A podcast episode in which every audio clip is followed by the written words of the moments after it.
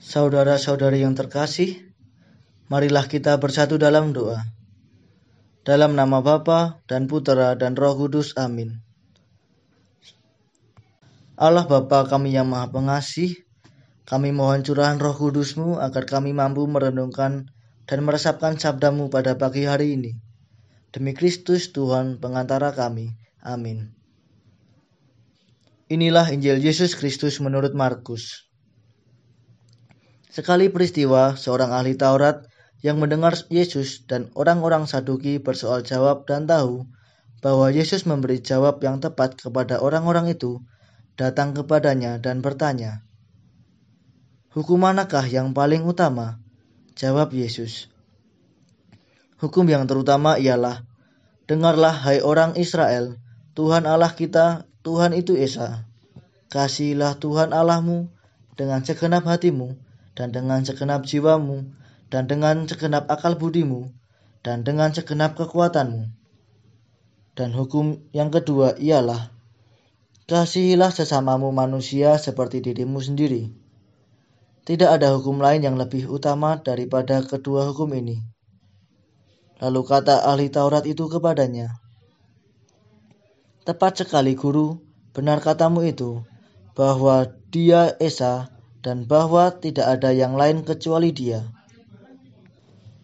Memang mengasihi Dia dengan segenap hati dan dengan segenap pengertian dan dengan segenap kekuatan dan juga mengasihi sesama manusia seperti diri sendiri adalah jauh lebih utama daripada semua kurban bakaran dan kurban sembelihan.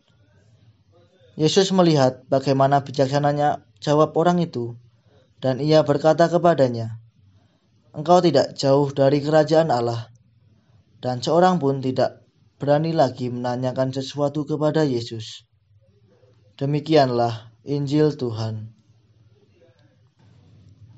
Saudara-saudari yang terkasih, bacaan Injil hari ini mengisahkan kembali kepada kita akan pengajaran dari Yesus tentang hukum yang paling utama, yakni hukum kasih. Kalau kita merenungkan bagaimana Yesus menghayati dan mengamalkan hukum cinta kasih ini, sesungguhnya hukum ini adalah keluar dari pengalaman hidup Yesus sendiri. Apa yang dikatakannya sebenarnya itulah yang sudah dikerjakannya. Ia selalu mengasihi Bapaknya dengan segenap hati dan jiwanya.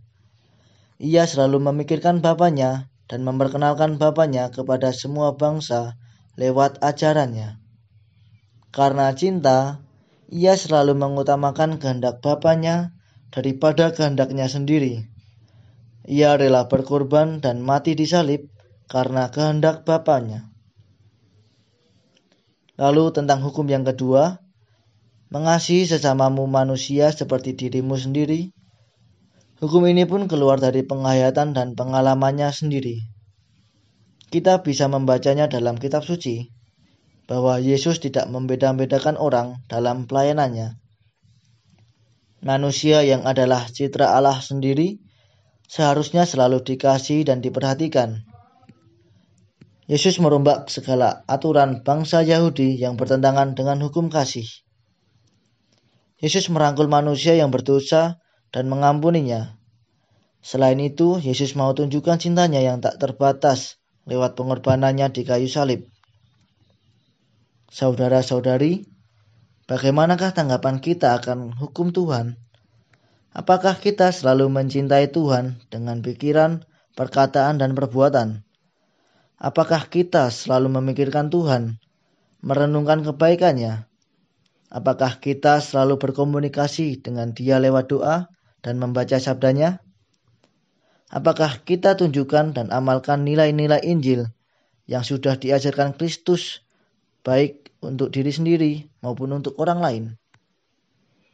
Lalu bagaimana kita menghayati dan mengamalkan hukum yang kedua, mengasihi sesama kita? Kedua hukum ini saling berkaitan. Barang siapa selalu mencintai Tuhan, secara tidak langsung dia juga mencintai sesama, karena sesama adalah ciptaan Tuhan.